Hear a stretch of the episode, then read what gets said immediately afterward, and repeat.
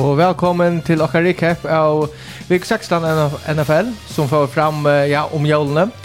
Og vi er stadig køkbjørne, okkar stod i havn, og enda sending kommer litt av okkar Spotify-venka under NFL-følger, og som er sendt, eller vi sender nå live, nu klokkan fer loika iver om klokkan 9 her mikvalde, høsta klokkan 11 ensen, og klokkan 16 Radio FO. Sending kan også finnes av heimasun Radio FO. Eh till tecken som lortet okkon fyrst fer, og Så får vi ta oss av først engst, ta mest vi kan bruka enska vendinger som finnes, og vi har brukt det daglige talet att det kommer til NFL. Altså teknisk uttrykk som rycka bästa brukar i opprona former. Og där är er vi et fyra manns, og vi er trutje manns i studion til Arnar teknikeren, serføringer Axel Berg, og utesetten Aknar Presta og jeg, Peter Asbjørn Lervik. Så vi er velkommen til pottvart nummer 15. Ja, det var pottvart nummer 16 allt. Men så är det. Eh vi vi tar det vanliga skrona. Vi börjar vi Toyendon och så har vi kanske sina fakta time. hem. Skejer och förskällt andra så ja. Vi är ju on. Kanske center L4 är ju måntliga vi playa vara, men det är kanske jaulen som har just här. Eh Men tojendir, det är väl eh eh AH-verst uh, som er hent nå i Jøknon uh, hese jævlene, og jeg vet ikke, vi kan kanskje uh, börja vi, jeg vet ikke om det er tøyinder, jo det er vel tøyinder, og tøy at det kan bli en dyster som da flyttet til primetime, og det er tøy at uh, Jacksonville Jaguars klarer seg i raskan vel, og hvis du vinner uh, og Titans uh, tar klarer seg hinveien også ytla, uh, hvis vinna vinner nå uh, i neste mot Texans så är det har lucka som så är det en otroligt spännande dist med Titans så faktiskt så är är han distren fera blåa han är ju Owens kan hända i så vikt. Owens. Så att han så vinner för så är tiebreaker eh nästa vecka. Så vi ändrar tie. Ja, till han vis Titans vinner vi samma record så får tiebreakern. Vis Jaguars vinner och enda samma record så har Jaguars tiebreakern. Mm. Och så so, så han säger händer dessa vikna. Hända vika faktiskt inte säga för för Berlin. Ja, men, men vi har ha det här men, men nästa vecka nästa vecka så får vi ett ordbräck. Ja, och så är det Bill och Eagles tar er också tagt vi eh första eller första sit. Och eh Cha Eagles skrev det att tar vinna mot Saints. Så vinner då är uh, en NFC East och alla NFC konferenserna. Mm. Uh, Bills skal også vinna som dyst, men uh, her bruk for at uh, Chiefs uh, tar ja, kicks som møter Broncos, det gjør nok, det, det hender nok ikke, men uh, det hender nemlig ting og særkjer i Denver. Og det som hent til Denver, uh, det som vi får snakka syndrom det er at Nathaniel Hackett, han er ikke til Denver Broncos langer, og jeg vet ikke, Agnar, du har jo lyst om det, om, om, uh, om Nathaniel Hackett.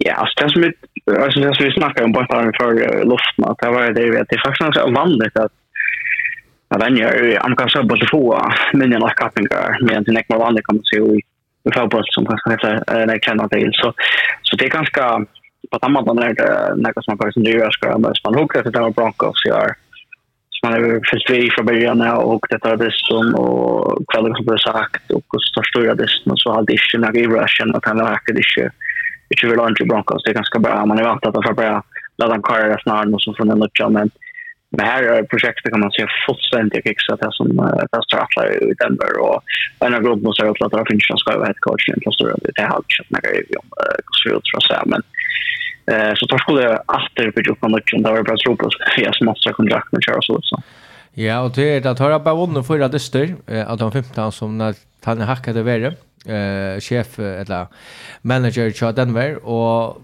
Det här som är ganska ett känt Denver Broncos sönas åren, det kommer också samtrum till det här Broncos har haft och rumlas eh, eh, defense, men all uppe ganska halta och så fick då Wilson och tar trade då och ett första och andra runda väl i 22 och 2023 och ett femta runda väl och trutcha spelare för författare Wilson.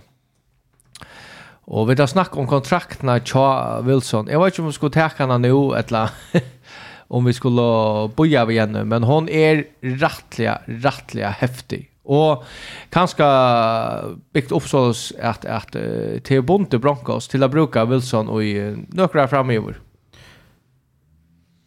Ja, jag vet ikke om, om uh, vi skulle ta henne eh basis i i plats skra skra den i ruta eh alltså så Här var det ju hon en kontrakt som heter 5 år 242 miljoner dollar. Sex. Ett år till så ja. Ja, det här med ett år till dem är så näck vi. Men men det är så fra det nästa år så blir det ordentligt att jag på in i tjata emot. Eh och pengarna där eh bant nu vis tar kortar Russell Wilson. i off-season så skilda der stadvek 120 million dollar. Hvis det er tredje, så har der stadvek 120 million dollar, som der kunne så spjere ut i vi tror jeg, av sitt cap for ikke ha han alene. Der er uh, laster inne vi Russell Wilson. Her er ikke vi ut. Du kan ikke tredje, du kan ikke korte han, Uh, og det her NFL har nok spesielle regler vi til at det garanterer jeg pengene der tar sitte etter kjolta du treda spennaren vi gör ja? Og i treffes budget, det er det her. Och projekt någon. Ja, i salary cap, ja. Ja, salary cap. Du kan så gott nog spela ut iver under år. Är det, är det så att vi skulle boja fem år till vi skulle blocka oss ett av morgonen till? Kan kan det så realistiskt säga att det är inte kottan för en i ändan 2024, nog inte för 25 Och kvart är så att du vill ha en gång snackar Rockers fan och i förrjon. Ja, alltså. Men kvart är det framför. Kvart är Russell Wilson som vanlig. Hva är hva gjør han så vanlig? Er han så vanlig som man säger han vil gjøre? Han skal inte tikkere meningen om till alla som bara så han som en quarterback. Jo, han vann Super Bowl. Han är väldigt god nekvar. Men kvært, det är en grund till han rekordet fra Seahawks, eller han blev skumpare ut på en kamata. Og sier det var Atlant eller Pete Carroll, men... Uh, Broncos sker her, og bare minnes til navnet Mark Rogers, til til agenten som. det er godt sagt, det er fullstendig latelig på alle måter. Altså, det er godt han gav en agent. Ja, og Seahawks har trinnet vekk, slipper av i han som quarterback, så fra skriver han ikke kontrakt i han og alt. Og så gjør det å få et third pick i første round, fyra som Wilson, som er fullstendig svaklet. Alltså det är fullständigt ja. Att få ett topp 6 pick för en quarterback till det ut. Det är helt, helt svart alltså. Men det var en årsens Orsens bästa handlån säger också Josh Egan. Årsens, ja, ja, ja. Det alltså, alltså, du ser att han är med, men han är att det är... Du ser att han är att viss Russell Wilson inte börjar spela bättre Så för heta heta trade att lucha för för att vara alltså hvis du tar trade samma vi kontrakten som vi skriver att han har så tar vanligaste transaktionen i NFL så för Broncos. För Broncos. Alltså kan man säga Seahawks ju tar få några draft picks som där ganska glädje för det och alltså det står att jag fick alla värden i den helt men två för två första picks är ju ändå gott. Så då tar jag så ja och tar faktiskt bättre stidlar det, och det har ikke en kontrakt, alltså det har ikke, uh, jag är ikke behov för att betala till quarterback när jag pengar på et nu, ja. Men jeg halte det er øyelig og mystisk, og nok et av største ivreskelse i år, det er gods og vanlig Russell Wilson i år. Ja. Eh, jag vet inte om vi tar sig syndrom Scholza lite som fair och offensiva systemet som ganska inte passar till han. Jag har tagit sånt under fyra att jag sagt när han spelar som mer frukt till att han rände mera. Ehm og spelar som bara han han platte jag spelar fridge. Men uh, han är ju ens kommit upp i åren. Som ja. som spelare tar tar koppan i Iron Erja. Ja. Han får ju det. Jag alltid värsta lärde mest. Det är alltid det värsta där mest till han fiskade förut så jag är sista mamma. Eh och han sköt mig på det på den fall så kör ni av shit hoppa att det är läckert så men tar spass eller hon står ju så er det så det bekymrande kan man säga att Östra inte spass eller väl det största är nu mot kan göra det till sin karriär. Eh så tror jag blir rätt att trade som det det är ja öliga neck more actually jag var lite långt man kommer ut och men jag alltid att uh, generellt är det bara öliga vanlig styrning i Broncos organisationen Eh och att det tydligt är sen från coaching staff att att ha kör vidare och så skulle hantera eller hantera nästa sting på Vi hade just det tydligt tänkt att att trade på the job back eh Mr. Sunshine man man nu är man vinner sin där kan man se så som att att det kommer att köra lite längre lopp utan man ju så nästa quarterback. Men är det för avrundet här sen drar men alltså Broncos vi så Det, det jag rätt att säga men men men tar är rinkast stilla i NFL bänk då. Ja. Och man kan gå fatta man kan NFL som som har värre utlit för såna framtid bänk då än än Denver Broncos. Och vi går vant att här Broncos är bontner öll för två år fram. Minst tror tror alltså är faktiskt bontner tror jag fram. Ja. Vad ska Broncos göra? Tar må hoppa på att alltså tar må bitcha sitt liv mer upp omkring Russell Wilson. Eh börjar ganska Men kvar kvar till Russell Wilson bruk för det så är akkurat som att han gånger allt är galet. John han har haft ganska ein gåandist i år. Kanske en simplare offense alltså här då ränner bulten mer. Det syns alltså alltså man plattar ju att kritisera sig att alla uppe för att vara konservativt och det det är det ju en alltså rännan redan ek och så har han några cost och så är det några cost där Och det har tagit allt det rekord vi att ah men det folk konservativer och så kommer det let Ross Cook som ordla kort det tar i för en fem månader sedan eller eller i fjör isen ja att där skulle lov Russell och Jeremiah men men kanske alltså Russell trust inte så väl och att Jerry Hornick men kanske att Jerry minne och att säga att att leda sig mer upp till rennspel och här var kanske några mer simplare kastekoncepter. Men allt för spännande ju vad för hända i Broncos och hur så tar för att ja eh täcka det Erbjörn som ligger framman. Annars så vi kan skriva om detta men till er och nu chat och jag tror er en ena för kan man så säga för en concussion protocol och att det är alltid trea hjärnan ristas för två och jag. Och tar jag faktiskt vunnit sempor. Men vi tar kvar en. NFC East. Ja, Atlanta över Sjönon. En gång tatt vi att få fyra liv och slåsspel.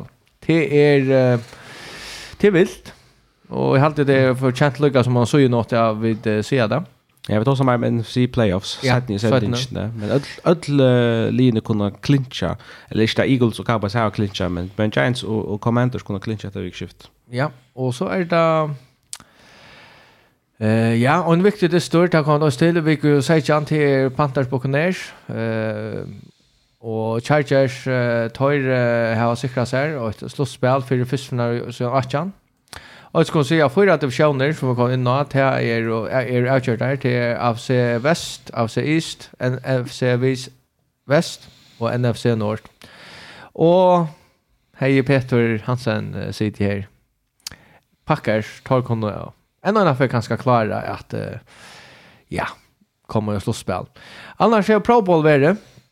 Och det är väl jag så cat är pro bowl allt det men det är några spelare som vi uh, kanske är synter i raskar att inte är vi ut för det. CMC är inte vi. Og jeg vet ikke, jeg har alltid han borde uh, kanskje vara øyne av for høyre enn jeg kommer vi. Jergoff, han er helt ikke. Uh, Tyler Lockett er helt ikke, og så er det forskjellige ærer som man kunne sagt ja men ta kunde vi men jeg har alltid haft så tjur i utförn. Uh, också ja, stora spelare. Kunde Kontover vi. Gino Smith vi är ju i Pro Bowl eisne. Det var här. Jag synes det er raskende. Halde jeg stadigvæk, men jag jeg skiljer vel hvor at han, han var vi, men... Uh, TJ Watt. Han var vi? Han var vi. Tjej dyster. Men annars är og tack om jag å si, JJ Watt. Han eh, kanskje Jag har lagt gagnar och på hällarna. Vi har en kryptisk konfite. Har du lyst det? Uh, ja, så han här, morgon, alltså, uh, kan man säga, säga alltså, kraftigast på morgonen men att man är givet. Ja, han säger det inte. Alltså, han, han, till bara, han kort ju ett, ett, ett, ett tweet som stod My last ever NFL home game. Uh, yeah, yeah. My heart is filled with nothing but love and gratitude. It's been an absolute honor and pleasure. Han han är faktiskt uh, han säger ju han gavs men uh, han indikerar det. Ja, Ja, det är ju han är väl öle öle när neklar och ska hon så kör ni så men men det kan nog ställa något det där som som det skulle bli kan man säga att det det lukar som resurser för nu i Texas så värst med Eh och tyvärr kan man säga budget eh TJ Watt det är så det eller är det inte samma att hans nästa skatt är så att bara över en alltså nu måste så han på varje spelare. och det är som han är den ja. ja. Men det är som är vi Han vart Kan jag göra det? rätt. Rätt. Rätt. Nej, jag också bara jag ska bara säga att eh, det som är vi vart eller JJ Watt är att han är bara en av tre spelare som är vår Blue Oceans eh, defense player of the year, eller defense player of the year, og det er uh, Aaron Donald og Lawrence Taylor som er hinne bæger. Han er omføyden av selskapet, og han uh, man må säga att att han har haft uh, en öle goda karriär och på Chelsea spalt och så vann han lige som uh, Texans. Att det sen fick när. Med Boauer. Ja ja. Ja, men han är uh, han uh, Och med oss som som nog kommer en en Hall of Famer. Kommer han Hall of Famer? Absolut.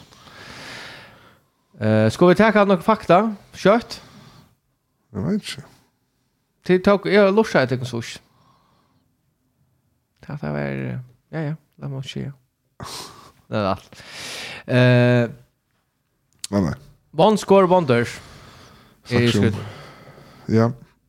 Vikings er 11-0 i uh, one score games i hela säsong. Som er det mesta för näkali näkrantoj och sövnu i NFL. Mm. Uh, Øyne trus, gamevinning, gold, tja uh, Greg Joseph. Uh, var uh, ta fjord game winning kick. Ta onge tog var etter i NFL-søvne. Ja, er uh, Justin Tucker og Tom Dempsey og Matt Bryan er kvar. Ehm faktiskt har Giants tappat. Det sista åren har de tappat tre så skärda. Vi Graham Cano och vi uh, mot Eagles en så kör där. För för några få år sedan så heter tre fyra det sista fem år i lock eller Att Giants har tappat ett even true game winning field goal. Och gosfalta. Ja, det finns några ringt Korea för alltid. Hinne hinne bei var också tullig arn och man en hej vånde men hej arn gick hundan till men det heter var heter var att man har sitter i mundusten så man var ju i playoffs på nu och men. Ja. Men jag kunde också sen mer om det så Det är alltså så slut. Nej. Men annars uh, Randy Moss han missar en rekord nu. Tog vi uh, tar Jefferson fick 103 yards mot the Giants. Hevnu 606 för uh, allt kapangar som uh, fer, han får förbi uh, Randy Moss för mest receiving yards och göra single season för Vikings. Och Jefferson, hej så ett han har förutjämnat dyster han häver en en dist över 100 receiving yards eller Moira. Som är det mesta av några spelare og de första fyra kappingar. Det som är imponerande i Hesson är till det att Jefferson bara brukt trutcher. Ja, han får ha en öliga god chans att täcka rekorderna från Calvin Johnson. Han är ja 208 yards attanfyrir vid två minuter snett. Ja.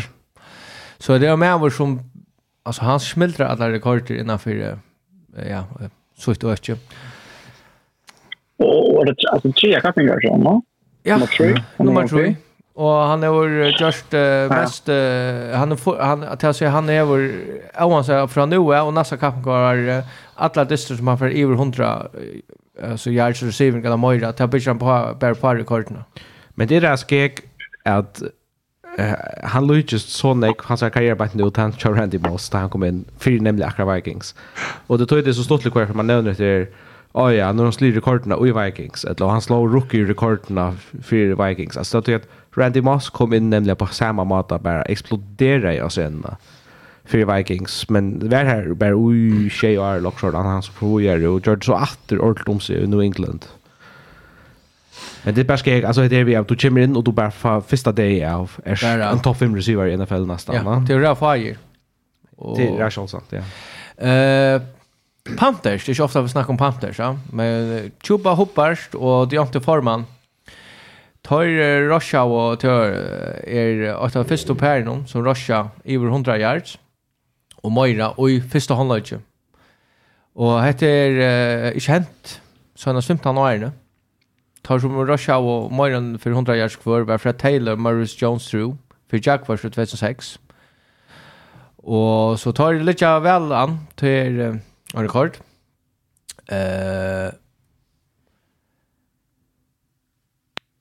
Annars så här var tar lukka som uh, Eagles. Tar Saka och Dak Prescott sex ferier. Och det här var att tar markera och tar alltså fjorda dysten i trekk vi minimum sex sakker.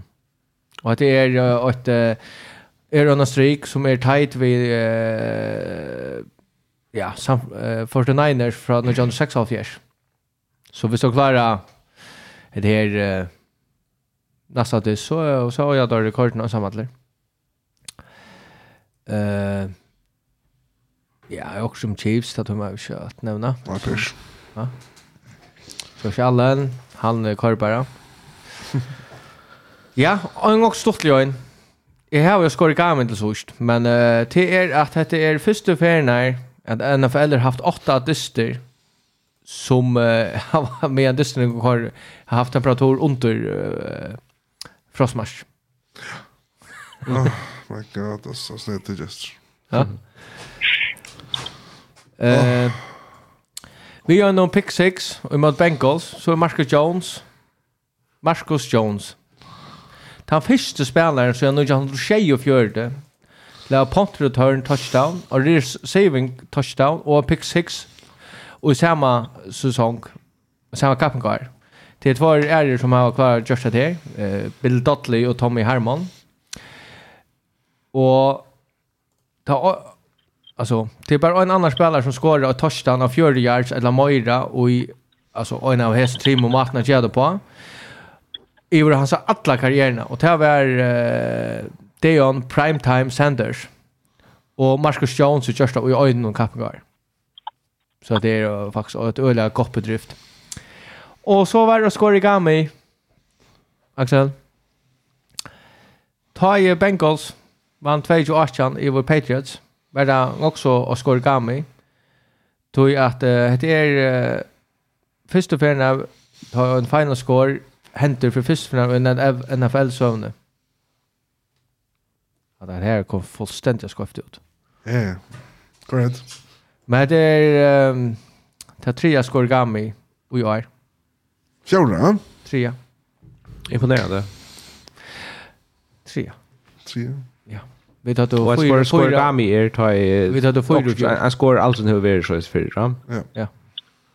Fast vad det säger jag. Ja. Ja. Vad kan kan så? 28. Löjer det alltså nu över fyra. Ja. Ja. Ja, han har varit här. Nu får faller skejer. Ja.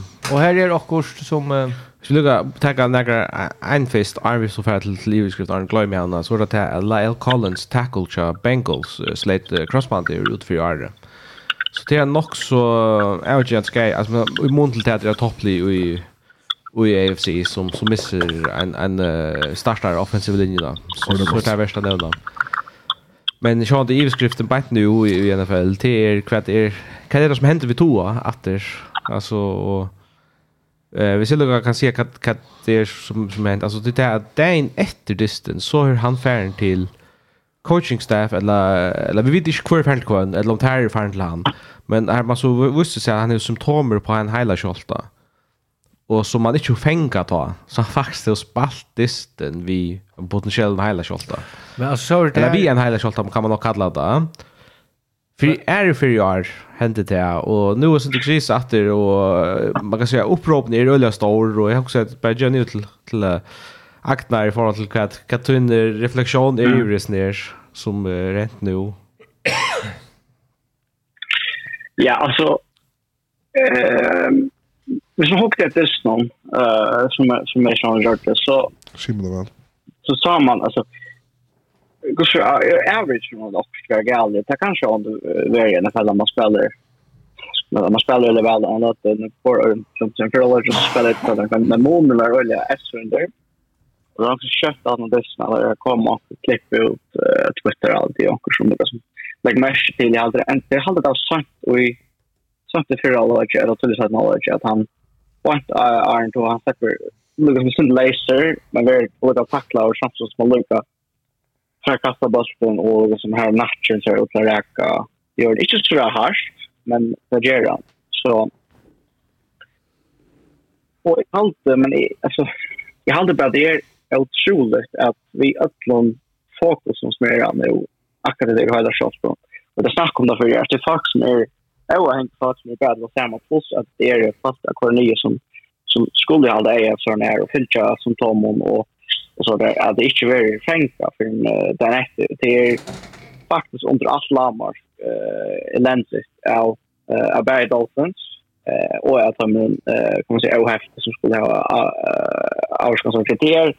Den största kan man säga fotbollen i NFL att det är så sken hade och i halvtid att det är rulliga otunga sucha Alltså det som är alltid att spelaren eh spelaren som uh, alltså jag spelar som kan man säga inte bara att det bara skatter men att det riskerar kan man säga att ta framtida och Louisveken det det är som man när man får för hörs ofta så heter ju större avskan. Så så tror jag det olja så aktivt player för när som en golf så tack kommer så snacka alla om men men mera från en större perspektiv så har jag rätt. Det är något som som man måste vara vars på när vet men när vi spelar vi har det så fast och ja en halv timme effektiva duell också där och det det är en lutschung.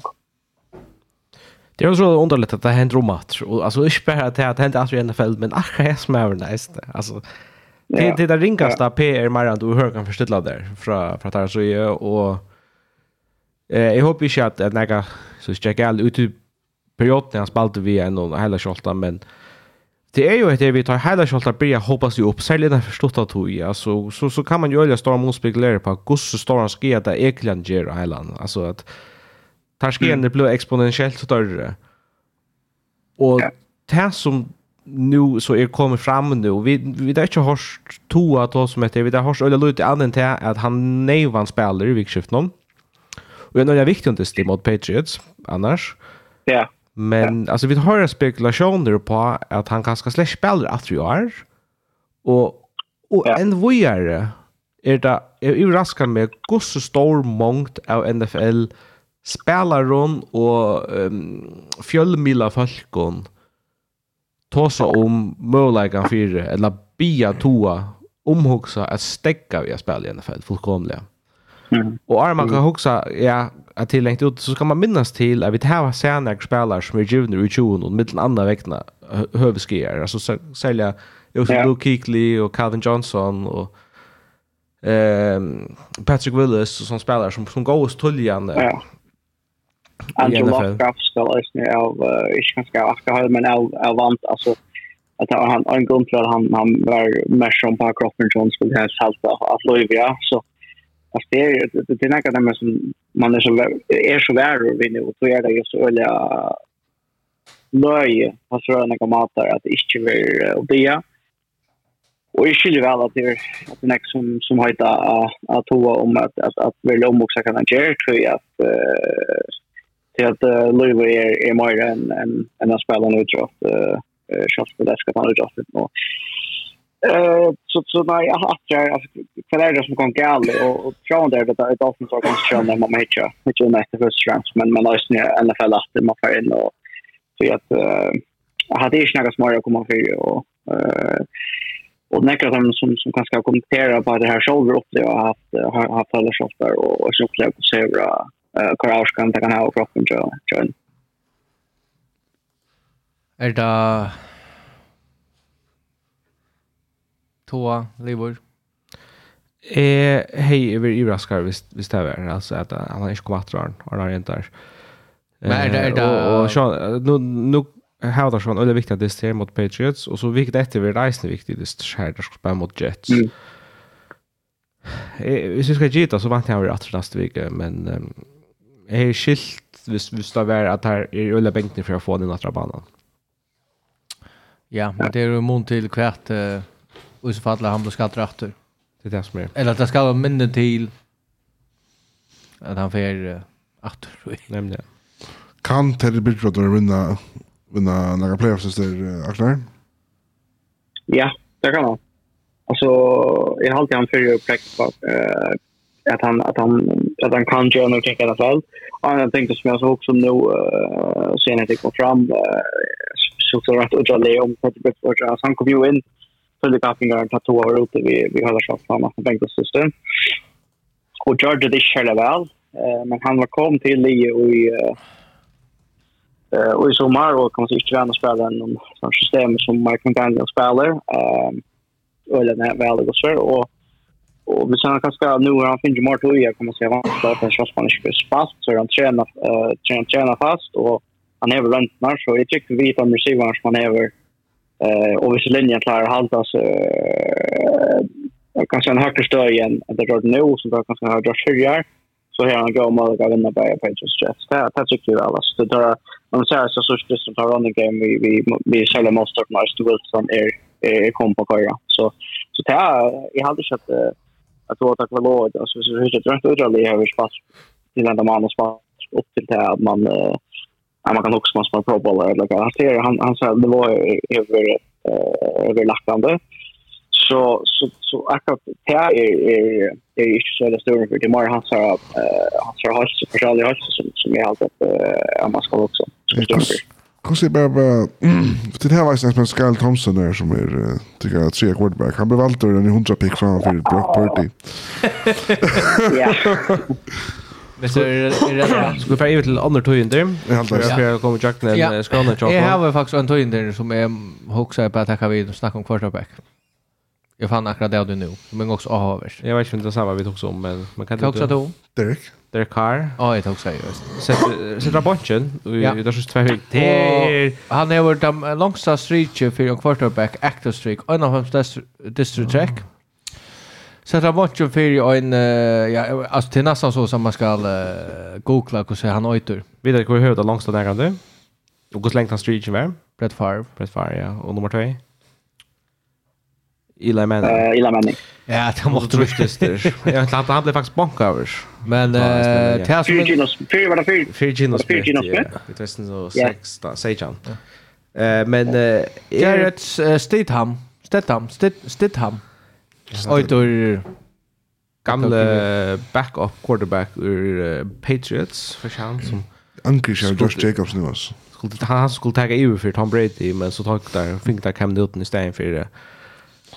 Men eh det är öle underligt tänka göra. Alltså du har ju gjort en kar en kontrakt här i ändan i i Kappengarden Ja, Ehm och några rymna större kontrakt också. Alltså heter det ju så signal som är vid att lappa från vi är från där kar. Alltså det för mer det det som heter signalerar. Ja, men det är ju bara en mening att akkurat du signar till andra kontrakt. Och han Ja, vad var kontrakten här? 3 år, 121,5 miljoner extension. Så som helst, hon är en trus garantid. Så det är så ja, man, så, man kan säga sa dead cap hit stäggar så att det är rör. Alltså där kunde ju faktiskt gått kartan utan att missa en hundra stycken pengar. Ja. Så då han i montland kan vara så så han inte garanterar. Så där där har där faktiskt skilt hon bara 5 miljoner visst där kartan. Mm. Ja. Det är klart. Det är ganska här där hooks till för mig är det här signal där sent att att säger släppa sig över där car och det är underligt ting att göra att du annars häver ett liv som är halt är fotlig. Alltså det är som det som också avvärs är det så kort han nu så får det penalty och tar spärra om löj 30 miljoner dollar. Ja, nästa år. Ja. Hävde så flera quarterbacks som du kan få efter som är bättre än det, Karin? Ulötne. Men kvann kan du få det till. Alltså jag vet väl här Nick som är bättre än Derek Carr. Och jag skiljer väl till här man hugger om Derek Carr ska nog vinna Super Bowl eller ett annat. Men kvann kan du få som bättre än Derek Carr? Ja, men det är så spårningen kvar Derek Carr för. Ja, det är så eisen spårningen. Och så har du listan några top contenders. Ja. Eh, till utfrågat AJ, till Buccaneers och Jeg skulle ikke si det. Jeg råkte via Brady. Etla Commanders, eller Jets, eller Tex Texans, etla Titans. Uh, long shots uh, er uh, Calls, Giants, Patriots, Nei. Saints eller Seahawks. Kjør meg. Kan, kan vi bare korte an og pumpa en kontrakt til Lamar Jackson? Det kan man nesten. Kan man det? Agnar? Raiders, Lamar Jackson, så får där så här. du är långa nog så dyran. Ja, alltså i rönne alltså. Alltså Jo, ja, alltså men men det nämner att cap space är fyra. Alltså det det hvis man har Josh Jacobs och hvis man har Lamar Jackson och hvis man har Devontae Adams. Så är man knappt alltså det här har alltid ju alltså Förutom den ena kappningen jag har hört om i playoffs så har han inte ordentliga han är inte präktat som en, en, en en quarterback som är näkt upp i topphelsen. För nu kan han inte spela, då fick Monty Adams, då fick Josh Daniels. uh, nu skulle det liksom bli ordentliga i FC Väst, men det här är så slett inte. Så det spår inte det att han att vinna Steelers nu, eh, att det skulle faktiskt ställa en chans att komma playoffs. Det är spårningen, alltså vi ska ha cap space till det. Hvis Lamar Jackson är med på från något nytt Ja, alltså det är ett scenario som inte fullständigt fullständigt kan säga verkligen. Eller bara Tom Brady alltid. Tom Brady är en god mål att vinner över. Tom Brady för en receiver som Devante Adams och en tight end som Darren Waller. Hunter Renfro, Josh Jacobs, goalspelare. Oh my god, alltså att det... Ah ja. Ja. Spännande. Ja, det går spännande kan han. Annars en annan quarterback, Eisenblum, bankar vi i NFL så vikna och det är Tyler Heineke Carson Wentz är efter. Pro Bowl. Kan man säga. det var en Pro Bowl, ja. Så ja. Men eh, Sinter underligt är skifta sin quarterback så sent i år någon tar du faktiskt ligger i playoff plus. Och faktiskt det inte alltså han kan ju köra. Han bättre han är bättre än Carson Wentz. Ja, du tar så de säger tar två bencher, va? Kanske också det värsta Baker Mayfield. Tack han nästa. Vi kan bli via spelare för Rams. Hæ? Jo, men det er behov som et heter ja. Det er behov som et år bare nå, ja. Nei, Washington, ja. Hva gjør det bare nå, Det här som man också har som vi snack om uh, quarterback, uh, quarterback moves till er uh, att nästa uh, tar som kommer nu och draften är faktiskt det har en god draft nu. Alltså att ha god draft är någon som kommer. Ja. Så det är kan det hända rättligen ek av matcherna för quarterback över alla linjerna. Och det kan gott trippa så är att en linje som som har så salary cap uh, och chilla så som eh, Lee Jamar Saints här och chilla. Och du två quarterback här som du inte vantar eh, fortsätta. Alltså jag ser inte att du men Tänk off att jag en av dem måste rotnera quarterbacken lenter in i Saints. Long shots. Men det är det vi sier i NFL då. Det er det att det är så nekve quarterback som är så rävliga gårs. Fyra platt var ofta då som då topp 20 quarterbacks eller också där som var går. Men det är bara rävliga nekve går quarterbacks i NFL. Och, och, och du måste säga, hvis, hvis du ska vinna så måste du ha en ordentlig gång quarterback. Och du är det eh, kött att li kunna föra vujar från Mian go on quarterbacks. Tror man man vill satsa på få en av dem helt go, ja. Jag stör jag står ju hacka neck av quarterback. Man också runt där man här borde säga backa och QB och faktiskt man för helt att törst QB som kommer och och och klara sig faktiskt alltså Brock Purdy är ett, ett gott döme om att alltså ungen har vant han näka och han klarar sig läckte i med. Heinen kan det ösna i sjön till en annan stöva men Og du har flere backup QB som klarar sig faktiskt, jag tror det väl. Ja. Alltså i och med, i och med man förväntar. Så kappingen här är ganska blivit uh, större. Hickman till Linus var vunnit Super Bowl. Ja. Agnar till Pepper. Ja, ja, så akkurat där vi vi vi lömmer sig på 40 och så då vi Nick Foles kommer sig att ta en av frikos. Eh hans fall en en horribel man den här det som Chargers the Colts. Men det han har snarare gått system med man Roy. Eh strong där eller näck vi vi kanske få kvalitet quarterback never och så han ju man den kommer till back party bara kommer in över spass vi har på det och det är stort så så. Men det handlar så om det ösnen om hva for system man kommer nå i, og hva for spiller man er under om seg. Og her har vi for de øyne ikke luksusvarer, kan man si. Vi, vi er bedre til å ha McCaffrey og ha et så som sett opp til at, at en quarterback kan, kan komme så godt ut. Uh, och bli effektiv och inte fejler.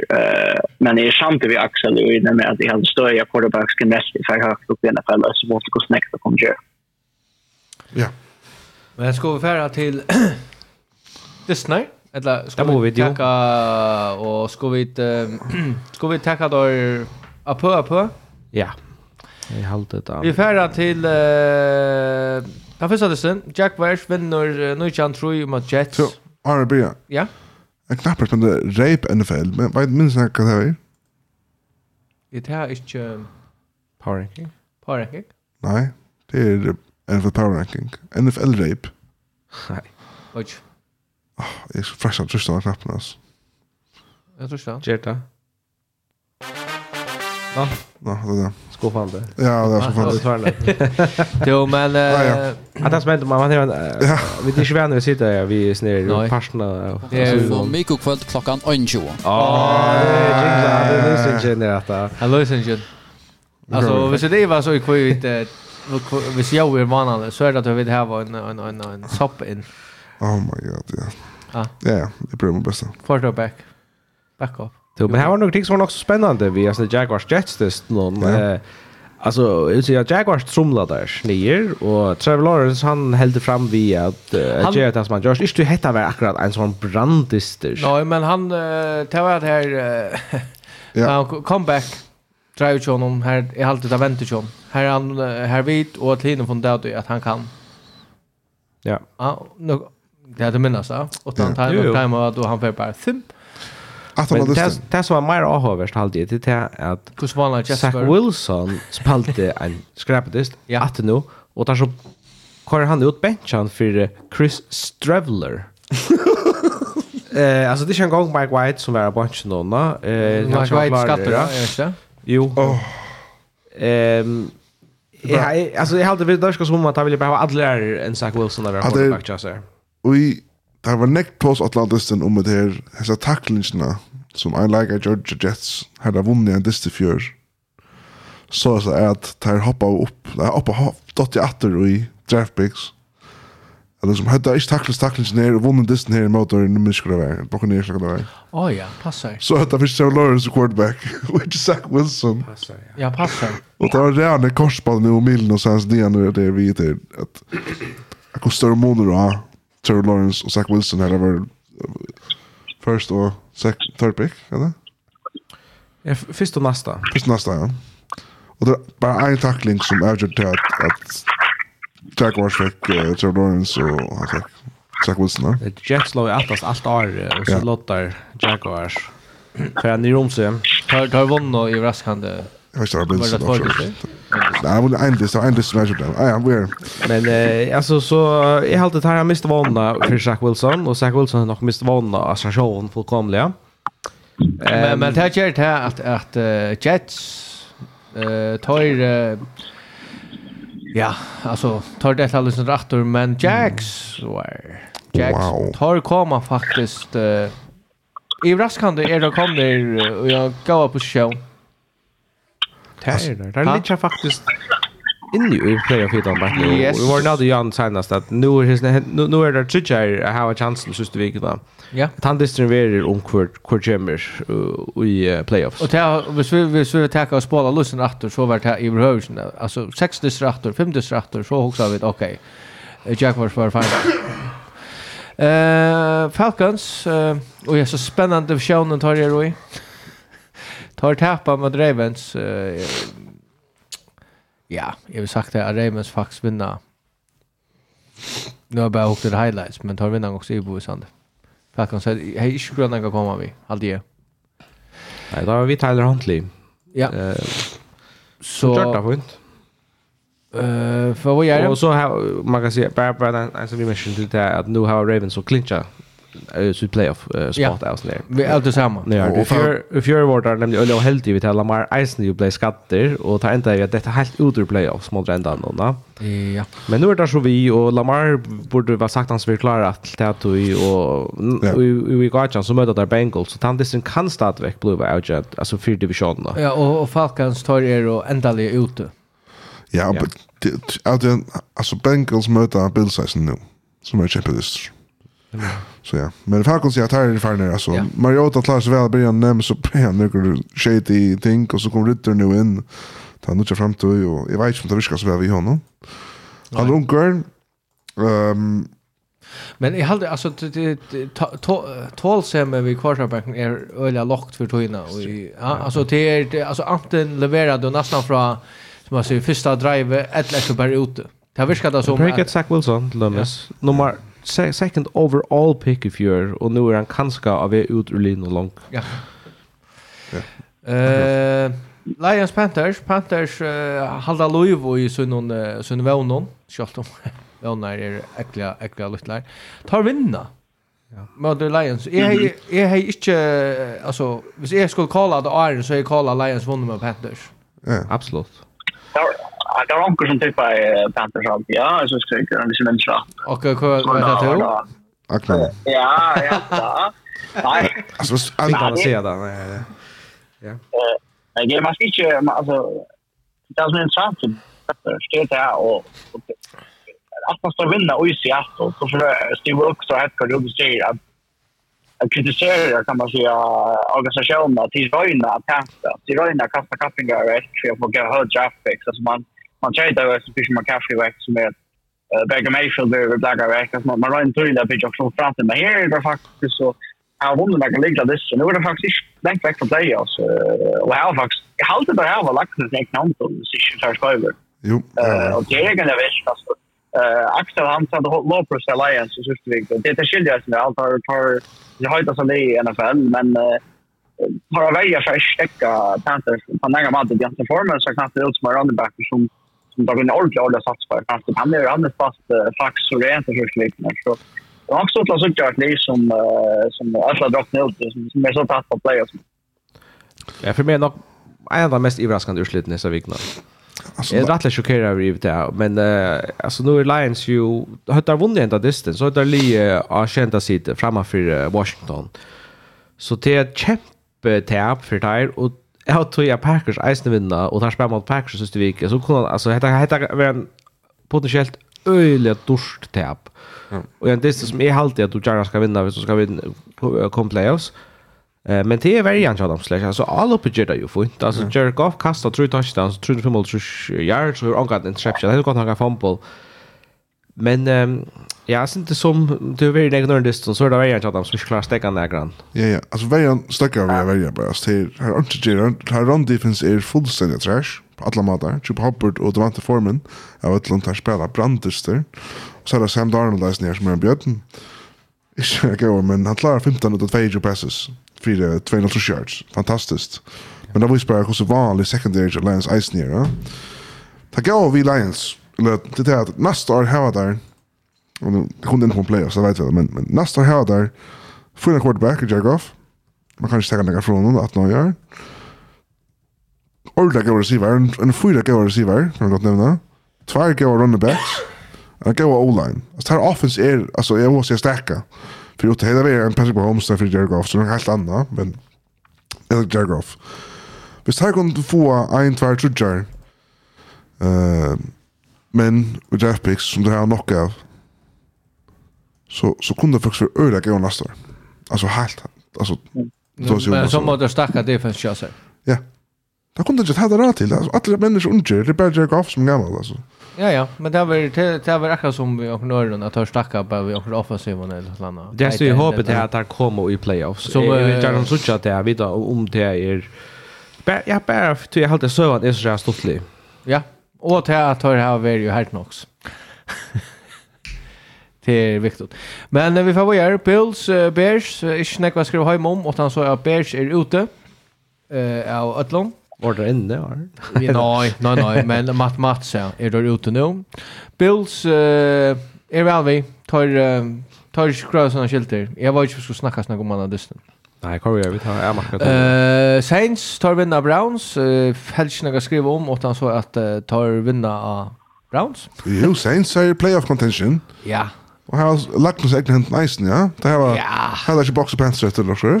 Jo, jo, men, men det ska... Nej, det är inte lagt oss egna hänt. Så jag vill Box vinner i vikskiftet ja. så, så är det här inne. Och vi kommer till Box, men Box har en... Ah, ja, alltså, jag menar seriöst. Ja, vi kommer till det. Sanger, vad gör du? Chiefs tar man man säga att jag tar nästan trumla. Seahawks. Ja ja, det var. Fullt och touch. Han latte så på den nice net av vet jag och så vilket liten Arden nice att att Seahawks är det.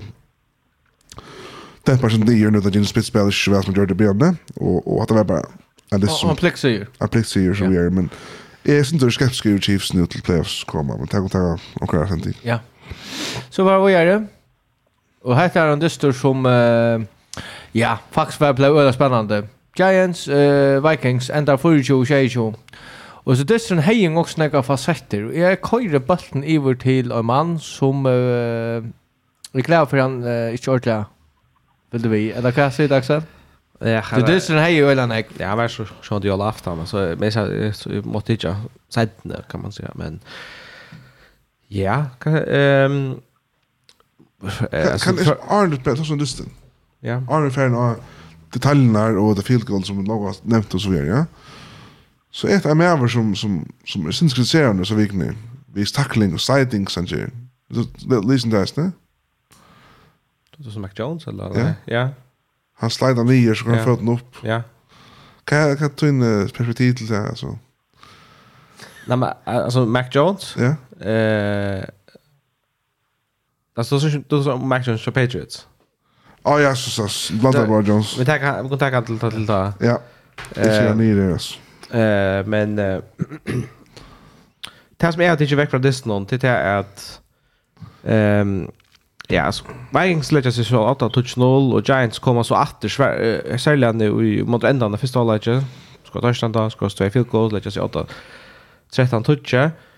Ehm så börja ta ta gera några failer och och är helt är fullt det att Giants tar blacka in det veck.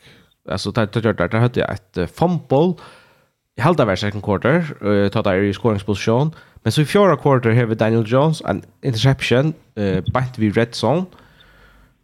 Ja, han har la det han. Han har bort han ja.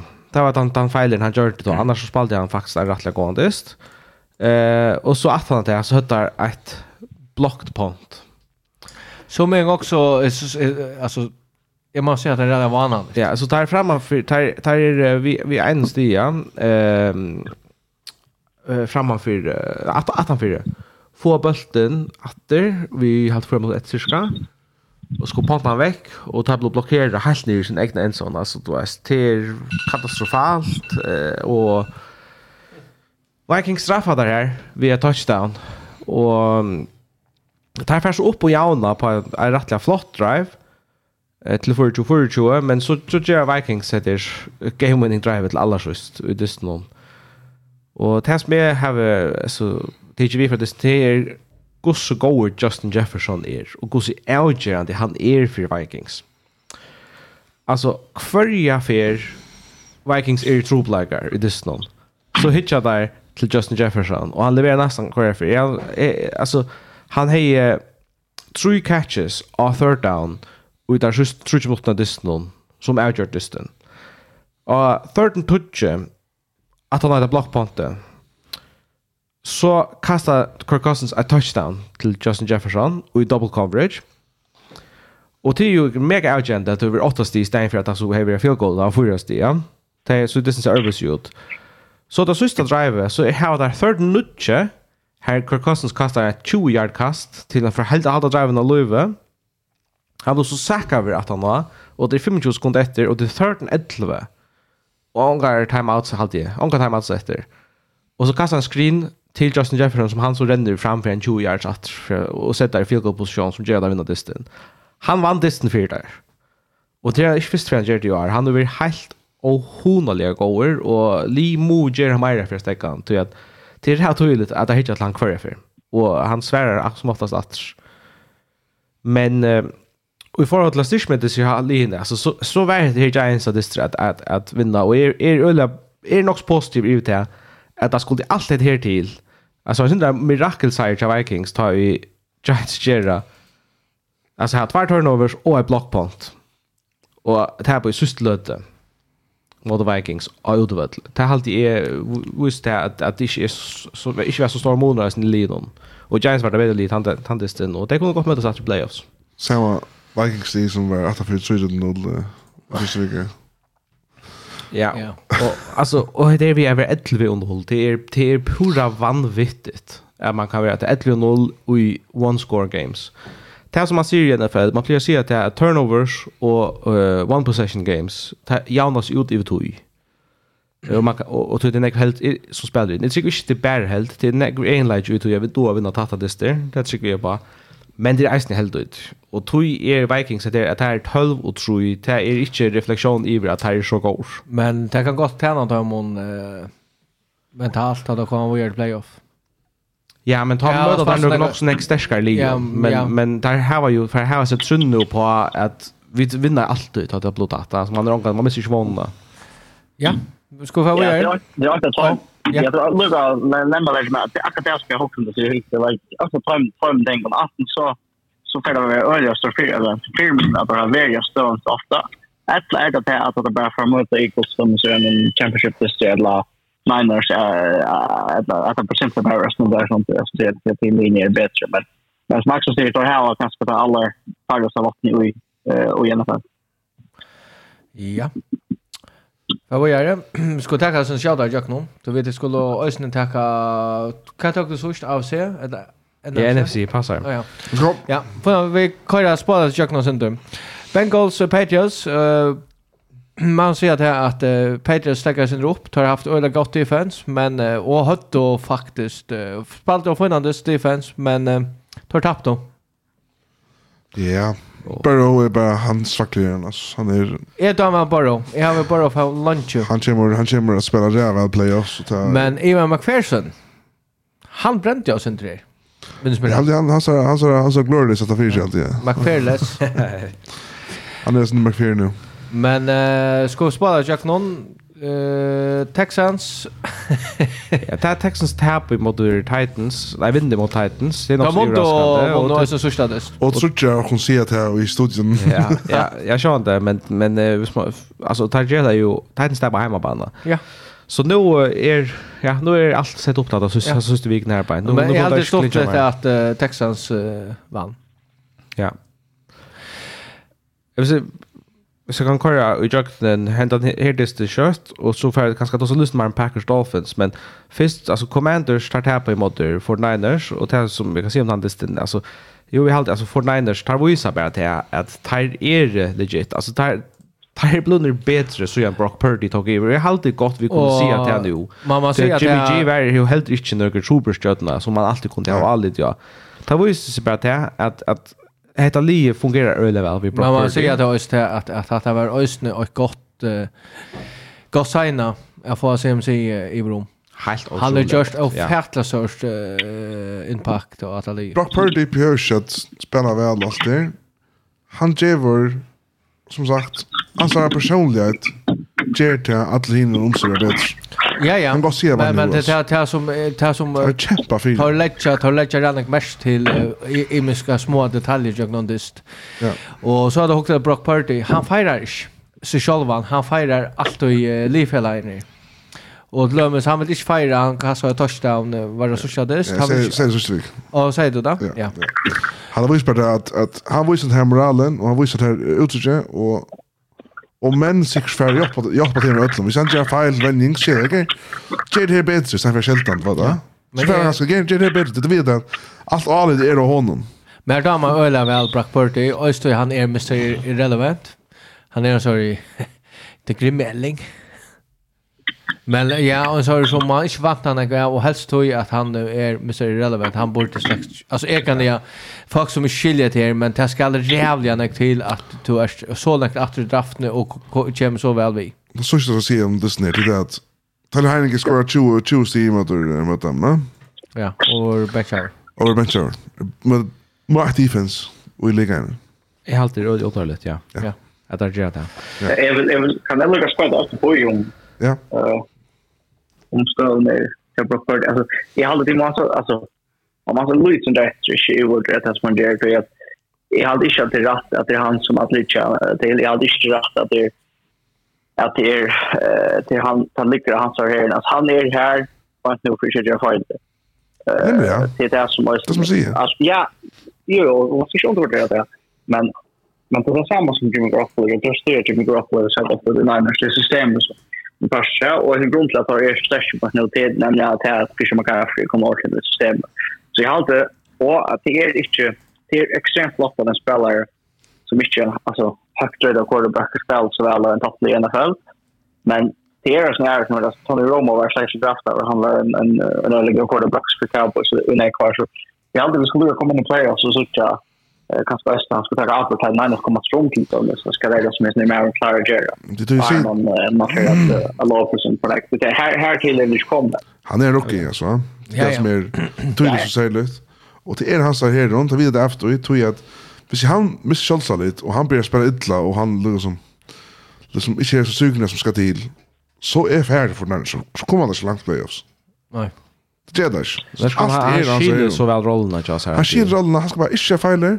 Jag ska få hinna spela bäst som möjligt. Det är just samma grej. Och han är mjukor. Yes. Och det är så viktigt att han inte kockar. Han vill kocka. Ja, fuck, jag går. Jag går väldigt besatt, vet. Han lastar. Vi ska vara göra. Tror jag vet vi tar en tight schedule där. Det är Eagles vinner, nej vinner, står tappar mot Cowboys. Kjørte forutset på. Ja, da så vi Gardner Minshew som, som quarterback. Ja. Uh, så det, det er det henger ui, kan man si, stadigvæk. Og disteren hei ikke ordentlig nærkere tøtning. Nei. Så, så vidt halde jeg for playoff will at altså, Cowboys kommer nok litt at fem sidor. Eagles kunne tapa nummer ett side, enten til Vikings eller til Cowboys, men det er raskt. Altså, vi starter av det neste verdeste, ja. Ja. Hvis vi får gjøre det, til nå har vi jo hoksa, hvis vi skal klare alt, så må vi bare hoppa av kjøtt. Raiders uh, taper mot Steelers. Och tänk oss avvärst så Steelers är Det ska inte väl stilla skönas nu, men... Pickett to Pickens. Pickett Pickens. Ja, game-vinnarna. Ja. Eh och och det som har vi tar snack om det där Carr är Batch Hour och och det, det som jag också har varit det är Raiders är inte matematiskt ute. Så att det är sånt där ja. Så kjælda Peter Hansson i kjærer. Nu vann Green Bay og møter Dolphins. Og vi sender året til Aknar. Hva sier du, Aknar? Nej, alltså först vill jag säga att alltså, vi spelar vi en quarterback uh, så att något mer och några skott. Så det är det är det är alltid är rullar så illa samma hekar att att att uh, Miami är bättre för alla ju eh och faktiskt offensive coordinator för syska som där då ska jag bäj mot alltså luften nu och gör ni alltså måste spela väl eh måste säga lätt för sig. Då får konvertera några för att ta down eh väljan är stabil så det första dagen men så för för Dolphins för att jag hämtar jag så på det jag det kanske en största sekund på det och att quarterbacken det ska på och när det stoppen där med som var in the presentation med en katastrof och på alla mått eh där jag hade faktiskt helt i faktor för några av några för men men ändå så klart och köpt att de uppfyllde den kämpe kämpe för den så jag tror ja och det Men uh, till det då... Till det drar inte framme för uh, alltså jag tror just när playoff-racen och helt då ja. att uh, ja, vänner för alla som att uh, vara vi.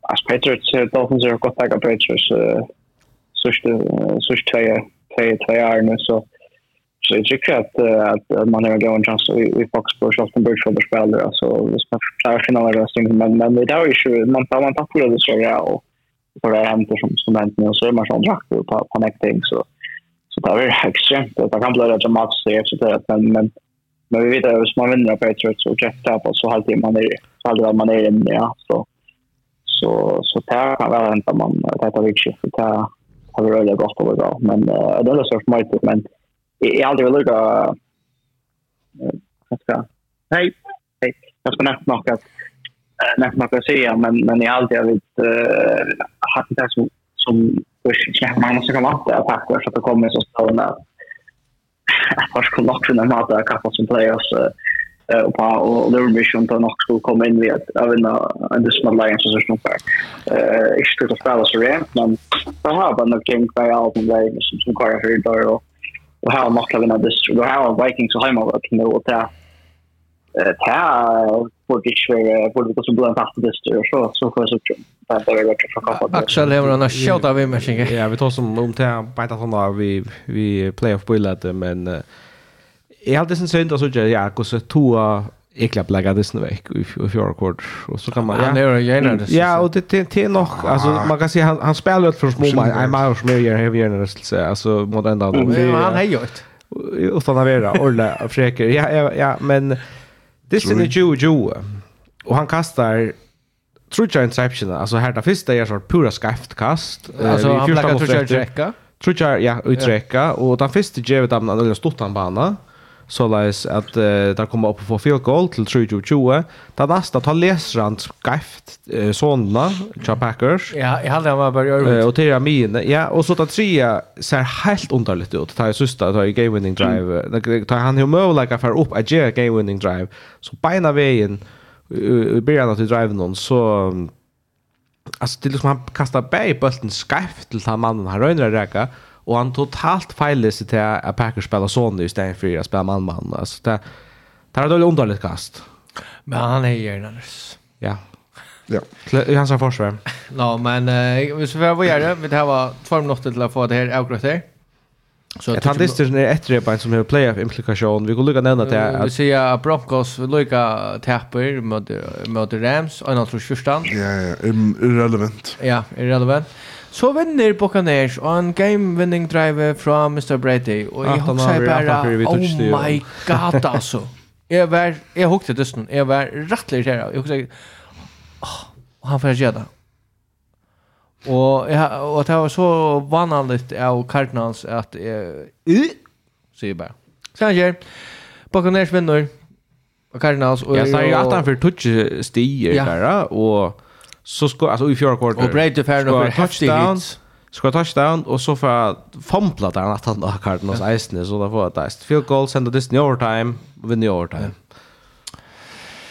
Ja, hatt er det her. Og så er det Chargers tar vinna 20 og 3 med Colts. Og Colts er bare et li som er, ja, Nick Nick Foles spelade helt förfärligt. Det är öle öle spänt på att ska möta han nästa vecka. Ja. Så Giants. Men uh, Chargers har så isen clincha i playoff spot nu. Så nu börjar vi ta switcha hur lite kom players. Det är faktiskt bara det det sista wildcard spotet som är rätt till spel om och AFC South uh, trådan. Vi, vi kunde få Shay Lee som är i 8 och Nudge i AFC. Och som det ser ut nu, NFC, Så er det Eagles er, uh, ja, uh, East, og Vikings er uh, North. For Niners er West, Buccaneers er South. Uh, og Buccaneers kan nok, ja. Og i wildcard er Cowboys, Giants og Packers. Nei, Commanders. Commanders er nummer 6. 6, 6 og 1. Mhm. Jeg vet ikke at det er ikke det samme. Sanger. Men tar som är i Antihant är så, så, så tar man på ett rum så är det Packers, Seahawks, Lions, Panthers, Saints är från Nortland, Målaga. Jag vill sagt Saints är från Onka Målaga, men Sanger. Uh, ja, säger jag. Men, uh, 3 procent, vi smäcker 538. uh, Hector, du är, jag har 4,20 procent. Så till ja. Halt, halt fast i timon. 4,20. To uh, men, men, uh, Ja, alltså så så vi tror ju alltså är det riktigt Eagles tag on the right side. Eh så ska som säger andra kunde ta vad det vägen som kunde ta vad det Cowboys. Men Lloyd alltså Lloyd är sannolikt. Det här som är intressant, det här vi hittar efter alltså att det divisionsvinnaren är långt clinched by Vikings och 49ers. Buccaneers tar spel mot Panthers här på. Och vi vinner han distans så tar tredje ser divisionen. Så Ska vi se där gör det här. Jag vet inte, det här var inte er där gör. Jag ser det. Men det är inte säkert. Alltså, så om visst Panthers vinner här på, så är det knappt en uh, stor chans för att box inte kom playoffs. Så tant dyster hesa vikna blir rätt spännande. Eh, och Cowboys tar komma det kärn nummer 5. Är vant till Giants tar. Hvis de vinner här på så håller där så 6 6 seed. Där hade vi ju så vunnit mot Vikings, men vi vill säga att det är så klara att vinna mot Nick Foles och hemmabana i week 16 för att clincha playoff-spot så det förtjänta vi playoffs. Och så att han där så spelar där så utbana mot Eagles. Har vi inte vita om Eagles har några spelare för eller kvart. Eller om det här var att spela för. Vi vet Men um, så kommer det. Jag har alltid det som är spännande. Det är att jag känner sig inte. Kvart för att hända här. Du Commanders är tjej, tjej och ett. Och det är en jaunläkare som helt har underbart du. Och där spelar som mot Browns och mot Cowboys. Och att jag vet helt inte kvart för Lee Cowboys för att spela vi i systervikna. Du tar här där inte spela för vill det mot på. Ehm Taylor tror Linus lite att han för Seahawks vi kör 8 så spelar mot Jets så spiller de mot Rams. Ja. Lions spiller mot Bears. Här är Eisen 8 og så mot Packers sista vecka utvärda. Og Packers spiller så hjemmebane mot Vikings og hjemmebane mot Lions. Här är Eisen 8. Så det här blir öjliga spännande. Det som var med över sig, det är spännande att ha sett det. Men det är så att vis Washington uh, Commanders så klara. Så jag ska vara den första som römmer dem, men jag har spottat dem. Först och tre yngre är väl snäga kappen och en vård och bära. Sint är det vanliga. Men det är så lite. Nu klarar sig, men nu har det uh, simpelthen bara betcha Heineken, så jag vet inte. Sen då är Alltså det är linjen som är alltid är mer spännande, det är att oss om, om Lions och Packers, om de klarar det. Alltså, mm. Packers skal alltså hvis Lions vinner mot the Bears så skulle Packers eisen vinna mot Vikings. För att och så så vi kommer då nämligen ner till landa ner. Eh uh, nästa vecka matchup with a time så hon kan vara om att snudgen som nummer 6 sitter. Utan så att Commanders eller Seahawks förstör där. Och det kan ju väl hända. Alltså Commanders spelar mot Browns och hemmabana. Så går vi kanske vänt. Ehm um, Och annars så det Dallas att han då. Hvis Commanders tappar en tyst så råkade vi ena hinkjöp in skill där framåt. Så jag haltar skoinna där två tvärsystesne för att att ha chansen. Cool. Commanders och Seahawks skulle säkert eisen göra det samma. Så det vant det att anten jag vant det att antingen Lions eller Packers vinner där tvärsystesne just så. Mm. En av dem ger ju öll för. Ehm Men hver av dem har størst chans til å gjøre gomse. Vi er også nere fyra linjen, Packers, Lions, Commanders, Seahawks. Hva er det, ja? Jeg mot Vikings til dømes, eller 49ers. Packers mot Eagles. Ja. Tempest. Yeah. Det vis Packers vinner mot Vikings, han. Så detta Vikings sannsynligvis nere nummer 3 sida. Det ser så ska Packers faktiskt spela mot 49ers som där har ölen ringt vi. Mm. Sövliga, eller det syste har ja. Det tycker vi ska göra. Det tycker vi ska vinna mot, mot, mot 49ers. Men hvis det är Packers, alltså hvis det är vi så har vi haft hemma så är man så det har jag sett klart. Uh, som har kommer att man ska mest uh, i en playoff system men av hinnan det var inte alltså det som ganska som rinkar och rinkar och nu allt det så kan man bara slå en så se och för kanske det lösning tycker jag se och jag tycker att jag ser också är värre än för länkar så så det är ju så eller relevant kan man säga det tar en men alltså med Lions för alla det kvar alltså vi är ändå så kan man börja skjuta så kan man börja att en strategi efter eh ändå står spela men men jag tycker bara jag tycker bara Sparlines kommer in i play off tills när det annat. Eh Commanders har ju inte riktigt sådär eh Gianna på vi att när Bracka vi hade varit amat för Niners att Gianna går för Niners ett lag ett lag igen. Hur vant ditt tar tar wildcard platserna det sista två. Så ser Giants vinner mot Colts. Där vant jag för Nigeria. Så tackar att där ena. Hit är ju inte Atlas Lions gör det. Match kan det se. Jag visste så att Giants är med Colts Eh, och, men som sagt, så vi ska se tippa nu och smeka så där det tack för kommer vi oss. Jag vill säga att ändrar vi det går det mot ingen ner så det är kanske passar. Och just, nu går det mot ting och jag som prediktar här så vi är. Tack om se också. vi är. Som kända sitt. Så du tycker Seahawks? Vad bara kan Seahawks. Det går allt listar i NFC och så Ja, Seahawks Giants, åpenbart. Uh, jeg helt en gång gang snakket Packers. Men det är bare til at uh, programmet jag dem en också. Ikke at det er spennende dyster. Det er det tatt til dyster etter det, kan jeg. Altså, det det er ikke åttan... Ja, kostdyster, men altså... Ja, mm det som jeg ikke skal lade seg snuta av i Packers, det er at det er ikke tog at Aaron Rodgers blir å spille supervel, at det er her er jeg bænt, at det er, altså han, han er ikke MVP-nivå, ikke, altså, han er ganske borderline pro bowler, men, men han er... Men jag er bra. Jeg sier Lions. Go Lions. Det er bare legend for en men ja. Så Lions skal vinna båda snar, och Seahawks skal ikke vinna båda snar, så om det skal gå över. Okej. Ja, ja, men jeg har Lions så er det stortlig. Nå, prosenten til 538, det er faktisk reelle jo, og det er det som gjør det så stortlig. Altså, Commanders er 20%, Seahawks er 22%, Titan, nei... Lions. Lions er 24% og Packers er 22%, så det er nesten så er, altså 25% kvar, ja? Det är pura åpe. Alltså jag jag har en Och Giants ligger så en av Jag har andra produkter att det är Packers och 1.6. Ja ja, vi brukar ganska imskar men men men princip är att det är ölla jämnt med lin. Man kan man kan ölla väl argumentera för att fyra. Det är bara det är bara Panthers är lösen att han för och sen så läkt att han för. Ja. Men så han alltså Packers är ju inte som man hoppar på en möta av som man nu som man är Vikings. Ja, det är akkurat som det är produkter. Produkterna sig 0,0 Ja. Du är ju eliminated men alltså det ska vara crazy hända. Och... Men vi ska vänta att så till, till toppen. Nu tar som botten, tar som toppen. Yes, vi tar vad... Hvis du ser, jag ser för tre linjer. Eagles, Vikings, 49ers. Är det här det, syst, er det, det bästa tre linjer i, i NFC? Cowboys, Box, ska säga det. Kvar, kvar är stärskast egentligen? Tror jag att...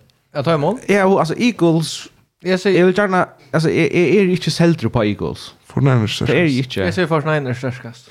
Ja. Det er jeg eisen hodla sier. Och då halvt det er spännande så inte om tar klar för nummer 2 side. Eh, hvis Vikings slums tappa her mot Packers eller också så att så spelar så hemmabane mot Vikings. Men eh jag vet inte hur det det är helt för den största men man skulle minnas till att ta här var en alltså undrafted rookie nej, inte undrafted, Mr. Sista pick, 7 round rookie. Alin Chaser och Det är det är jävla kött att det här kan gå galt i en playoff. Men det är också spännande att hvis Eagles vinner den där og och Jalen alltså Jalen Hurts spelar nog inte. Det river så. Han spelar nog inte. Men det är så viktigt att Eagles vinner den här distansen så får det trutcha viker här tar hon och lappa på Jalen Hurts. Men kvart hvis Jalen Hurts nämligen inte spelar där så tvær veckor och så en bye week att man så ska se att här Jalen Hurts den heller att det är fyra eller fem veckor i mitten han speldist. Och så minns för fjärde steg för man knappt ska spela då är en playoff list. Vi mega mycket press av i mot Cowboys eller Bucks som man präkar så. Ja. Alltså det är det här som ger han Hvis du, skal, hvis du satsar på å få han gåan og klarar han til til at han er så gåan, ja, så er du det. Men det er ringt å komme inn at han har fem viker bare, så sier jeg. Og en play, altså, i årsens dist, ja. Men... Uh, Vikings, hva sier du om time? Kunne han ta vinna NFC? Jeg klarer ikke til at han har vunnet. Det er one position games som så er... Alltså det, du, du, kan, du kan inte avskriva det. Nej. Jag måste säga att du kan inte avskriva Vikings tror att har här nämligen just vunnit ett lov och one position. Alltså. Det är det som ger det här att du säger oh, ja men tar det här med oss för till att kunna göra det. Du kan inte säga att det tar vanligt. Du tar det här va... Alltså Tar hava ut för livet till att kunna färra och vi ser Kirk Carson och i playoff mode som onkel vill jag säga är det kvarta på komma i playoff mode och bara spalt fullständigt över ämne. Alltså är det Så är Vikings en reella måliga. Alla playoff-tester är i primetime, va? Och det, det här hade det blivit väldigt orättvist. Jag tar om Kirk Cousins som är negativ. Du kvar quarterback... Nej, han är inte negativ. Men han har inte spalt... Han har inte spalt topp MVP-stöje, men han har inte spalt vanligt. Han är där... Hvis vi extendar till topp 20. Men kvar quarterback kan du säga vi 100% visse är bättre än Kirk Cousins i NFC. Ja, alltså vi har... Jag är 45 år gammal Tom Brady, Jalen Hurts, kanska, okej, okay, vi kan göra det här, en som nummer 2, en nummer, kanska nummer 3, ja. Mm. Att jag hade, det är inte unfair att hos så om att det är negativt att ha Kirk Cousins och Lina Chaucer, tror jag att det är inte, heter inte stark quarterback-li, eh, inte alla dem när jag ödla. Så han han eier har en chans at gjøre om seg. Altså, og, og tydelig ikke hun er så reg. Altså, vi tar fyrre om noe, vi må gissa. Ja, vi må, nei, vi, vi må, vi må takke til, jeg skulle spørre det. Uh, og så takk som jeg spør det hun om til Cowboys. Hva er det med om? Kunne ta, ta spela sannsynligvis mot box. Og Eh, kvar, ja, la, vi ska ta kontakt med Pejlin samma handavending slömmes. Kvar, kunna ta några timmar för att vinna divisionen. Man vet allt om Tom Brady. Jag säger nej. Allt om Tom Brady. Jag säger att Bucks klarar inte. Alltså jag har så har större tilltryck till att Cowboys kom eller Cowboys kom långt än att Bucks gör. Ja, alltså jag hade att att servan är mer vi att Tom Brady skulle justa ja. en Cowboys. Tycker noll på Cowboys. Men tar ha att har hört onkel det som vi inte tog skrejan till det att tar ha haft tar hört onkel eh hållskejar nu och och och och Och linjen just här, off mm. offensive linjen. Så mer också av värst tror jag att alltså Brady blev bara alltså en tvärfna blev han så akkurat som han blev mördad av nio. Ja. Men alltså är så jävla väl. Fjord och alltså bench vill ha hit han är, han har så jävla shot release time. Ja, det bästa release release time i NFL. Kastar bollen eller kör fra sig och han Realliga skjolda han tekur til stor hit. men så skjadde det som Cardinals fikk han tvei stor hit og altså. Og han var mästare og han løtte ja. han nå. Så det, det talar med utronom. Jo, jo, men eh, jag vill snart säga att, det är, att, att här Tom Brady och Lennon är ett kjempeplus och just ner och han är ju den bästa quarterbacken han kan och han är möjligtvis den bästa i sig konferensen. Och så så vinner mot Cowboys och så skulle till till dem Philadelphia spela, tar bänka Eagles av i fjör. Jag var väl att det men det måste stadig lite efter det att det är totalt knust det ett sånt som i fjör, vid Jalen Hurts. Ja. Så jag tycker faktiskt väl att Box kunna göra larm om sig och og at Anchen Anchli Lee er super stærkt her på. Og jeg tror faktisk bare til at Vikings, for Niners og Cowboys til det som vant til å komme over favoritter de første rundene, kunne enda vi å tape. Jeg tror vel at Giants kan vinna i mot Vikings i playoffs, eller enda mot for Niners. Jeg tror vel Lions, eller Seahawks, eller Packers kunne gjøre det. Så det blir veldig spennende første, første vikskiftet vi får.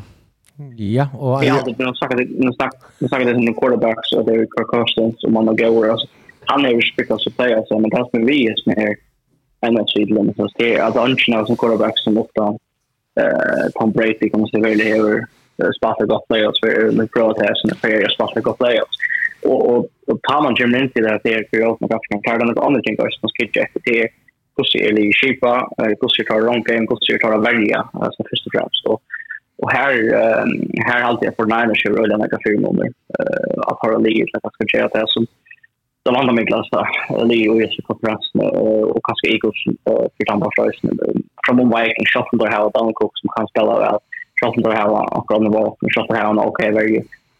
Så är det andra ting som gör att, att inlinjen är farligare och och springen bakom ner ganska är det no alltså Cowboys tycker tycker helt inte i spars av Schottenberg akkurat under Eagles eh till under forsen som kanske inte göra ordentliga eh Nu, uh, men... nu får jag et av live her, baseret og ja, skyldag med. Ta seg med ut av Spotify og Ærestandet. Takk for det, så vi. Och vi fortsätter. Vi fortsätter. ja. Ja. Um, så, må, så takk, du tykker bare på. Vi takk på vi gjør, vi kører bare just. Kan jag du, Akbar? Hva var vi?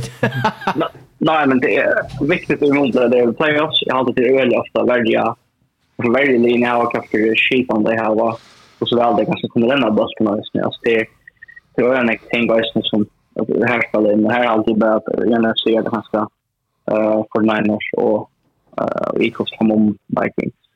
Som har kanske på film om vi har som det vi att söka att en näka hin och lino som är wildcard league kunde komma att lära in Super Bowl som är chans i aktier. Det är sagt att han skulle köra upp sig till en wildcard runt eller en division. Men uh, Ja, det är spännande. Eh playoff men det ser och eh inte att se ja konsekvent det var så lite mer en upplösning så vad kan ta på shoppen. Eh men när jag har nu att lika för bäst. Ja, det är som gör det så spännande. Ja, alltså här är inte inte rätt topplig halde jag. Och i NFC. Ja. Det är bara samtidigt. Ja, jeg er også eisen, det er større måneder, jeg har si, og jeg vil si quarterbacks. Det er ikke topp tjej lin bara minna här då, sån här projektet här. Alltså, altså och säga, nämligen, det här testen du kan se om i AFC, det är att de linjer, hvis Dolphins kommer in, så är det nog de linjer vid de tjej bästa quarterbacks. Och linjer chanser som, som är i playoffs. Man kan argumentera för, jag vet inte, Deshaun Watson, eller, jag vet inte, det är nog där, ja. Det är nog ordentligt helt det samma i, i NFC i år. Nej. Probant. Det är fantastiskt och, och han har annars sig om NFC är rätt spänt på distan nu och inte distan som mer än vikskiftet nu. Ja. Uh, ska vi inte färra gissa? Ja. Är så här räknar? Han är... Ja, jag är färdig så. Jag var ju bara så larm om det från bil i ett Jag borde skriva ni bara en vecka av gissa så vi frågar hur duschet i attor. Års. Och är för för du sa stick nu. Är det är så är så akurs så visst. Mm. Okej. Okay. Men vi börjar. Eh uh, vi första det snön. Är klar? Yes. Right. Cowboys, uh, Titans och ska vi ha det som restfällarna för att det närmast. Ja. Så börjar vi vi Axel, Arnar, Aknar och så är. Eh, Dutch Cowboys. Cowboys, varsågod. Och Aknar? Ja, Cowboys. Jag tar ikke Titans. Nej, du tar hemma. Och tar jag bruk for deg. Jeg tar Titans. Cardinals og Falcons. Jag får ta Cardinals. Vi Trace McSorley. Vad er det Falcons her? Det var ikke hvor. Det er feil damer. Ja, det är som det mycket, men vi tackar Falcons. Jeg är bara per se og Falcons. Falcons så er det Cardinals. Större fåglar än Cardinals. Större fåglar. fokler. Bears, uh, Lions? Lions skulle vinna nå, det er å ta ferdig, ja. Ta ferdig, ja. Lions. Bears, Justin Fields. Moin, oh ja, jag ser Lions. uh, Jaguars, uh, Texans? Det är spännande. Det är faktiskt något spännande. Ja, Distin har ju inte något att säga för Jaguars. Han är faktiskt inte att säga. Så, men där kan man lugga. Jaguars vinner. Jaguars. Jaguars. Jaguars. Broncos, Chiefs. Chiefs. Hetta verður dysten at Russell Wilson per kasta yvir 300 yards og 4 touchdowns. Så Broncos var vinnan dysten. Det var det bara jag lagt så. Vi han gjør det, så vinner Chiefs, så vinner Chiefs og Luka av alt, 35, Chiefs vinner det. Ja, ja, ja. Sier Broncos vinner. Jeg sier Chiefs vinner. Dolphins, Patriots. Eh, ja, jeg er ferdig til Dolphins, selv vi Teddy Bridgewater. Ja, det er det. Jeg tipper fire Dolphins og strykner, og tar ikke vunnet. Eh, og tar et takk for det, så vi sier Patriots. Patriots per förbi Dolphins just att vinna det. Ja. Och det Men jag tror faktiskt jag Patriots så jag rocknar defense jag Patriots steppar upp. En annan affär som där Josh och i Florida så. Och Daniel Jones, nej Mac Jones för att sparka men Ja. Eh Colts Giants. Giants, det är must win. Giganterna Nick Foles för sig. Som som Axel säger, som Axel säger, vi tar sig in där det ska för att uppföra kom playoffs. Tja, zo leest man davon vom Beherrscher das ja das. Da. Men, men de vinner. Oh, ja. Jag Giants. Saints, eh, Eagles. Saints. Tar. Hm. Eagles. Ja, utan så zo de. Mm. Eagles. Ja, Eagles tackar det här med. Jag säger Saints. Vi, vi minns ju, Mitchell score Mitchell score for to see Dallas han klarar som skora for just team att sen just nu. Ja. Så, så er det Panthers og Buccaneers. Buccaneers. Jeg googler Jan, Sam Darnold er en drifter. Men rock with Tom Brady tegna. Men det är faktiskt en öliga god dyster. Alltså det är som man ska fylja väl vid ju. Det är syndrom. Det är syndrom om det divisionstiteln. Det är syndrom. Ja. Kan jag säga du, Agnar? Ja ladda kom uh, ladda kom bara fortsätta trycka på Panthers. Och jag ser jag första för en som är schakt det. Jag ser där vi jag nog. Och det är som original linjen kan bruka att näka och sen vinner. Browns Commanders. Vad säger du? Är Browns Division. Ja, Browns 5 list. Ja. Agnes Commanders. Commanders. Commanders. Kanske ja. ens Pro Bowl. Jag säger Commanders, men ja. Sen igen, det 49ers, Raiders. 49ers. Ja, 49ers. 49ers. Du atlar säga Raiders. Du huxar ändå efter om det, men är seriöst 49ers. Jets, uh, Seahawks. Jag har alltid Jets, Jets, jag ser Staglandes. Jag är säker på att jag ser Staglandes. Ja. Vad säger du, uh, Axel? Seahawks. Mike White spelar så. Du säger? Seahawks. Och Aknar? Seahawks är hemma vet men det har varit katt. Jag gick till Seahawks vinner i overtime. Overtime. Oha. Jävla tattus. Jag säger Seahawks. Vikings Packers. Hetta er sannspennandi. Ja. Uh, uh, er færja taka Vikings. Det blir Jag hoppas Vikings vinner Josh för Rodgers. Alltså, jag menar det, jag klarar inte mig. Jag klarar inte mig. Aknar? Jag har haft en spel och på spel där på att tacka Roland, Aaron Rodgers och Jones och Edge Dillon kom på karaktär så Fyr Petter, så säger jag tackar. Jag säger till här, Vikings vinner vid field goal, vinner vid Dreamon. It was så kört? Nej. Rams, Chargers och en Chargers. Back Mayfield. Rams. Okay. Yeah, Chris Brown. Chargers kommer att göra Rams är Mayfield fall well. Chris Brown är Rams också. Det Chargers. Det är satt här för nu kanske av Blue ut Chargers. Men ja. Det är Chargers hemma mot. Steelers Ravens, Oisni Oin, Over Disser. Jeg nekker over dyster, slags ja. Jeg Ravens, Sunday Night Football, jo. Jeg Steelers. Pick the Pickens? Nej, för jag syns jag ser jag styrar själva just nu. som är spelar och det där skulle ha kom på för Mondra. Alltså, kan vi picka det rätt då? Jag säger Ravens. Ja. Så är det Bills, Bengals, som är den... Det är distance för att avgöra fancy-finalen, nästan, med mig och Akmer. Og at han får avgjøre ja. AFC eisne. Ja. Uh, det er ordentlig en så super dyster, kanskje årsens viktigaste dyster. Altså, Her til. Ja, altså og, regular season. Og ta playa Bengals vinna. Ja, det er det. Altså, hvis Bengals vinner, så får det fra Boy Bills. Ja. Så er Bills knappt av tre sit. Uh, la, så spurningen kan Chiefs gjøre. To sitter tappa, men... Hvis Chiefs tappa, så får Bengals opp som nummer 1. Og Chiefs, Hvis Chiefs vinner og Bengals vinner, så, så er Bengals nummer 2 og Bills knappt nummer 3, ja. Yeah. Så och det är ju det är ju mega nek vad säger för all AFC playoff race alltså att även vet inte nummer 8 är ju jävla viktigt. Du har ju släppt undan att möta. Eh en hin och linjen två du det två av hin till linjerna.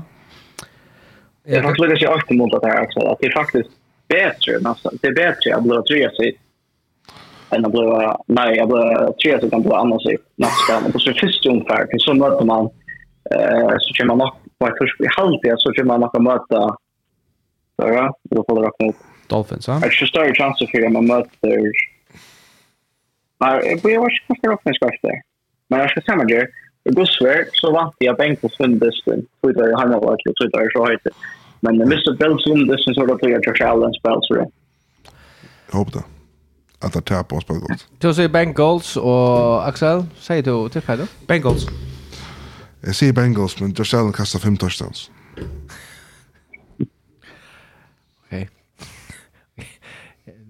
Nu borde jag bara sagt Bills bara för Motical, men är... är nu börjar vi då komma en playoff här och fjör var det alla dina Joe Burrow och... Jag säger Bengals först. Uh, det här säger jag. Jag vet att tippa. Vi tar färdigt utom tog som vi vanligtvis gör. Efter det bara säga Vi tackar för jokken. Vi uh, fyra. Och kanske nästa vecka så är vi fem. Ett land minne. Men... Uh, Eller mer? Ett Eller mer. Ja, ett eller mer. Men uh, ja, uh, jag vet inte om... Uh, Nei, nei, jeg klarer at jeg kører og kunne ut ved akkurat gåen til noen. Er det festsangen? Hæ? Er det är Det er også bra. Tack för det, Vi går allt. Vi løyres. Second goal, Pickett dumps it out to Harris. And Harris is in. Ja Oh, takk for det. Av.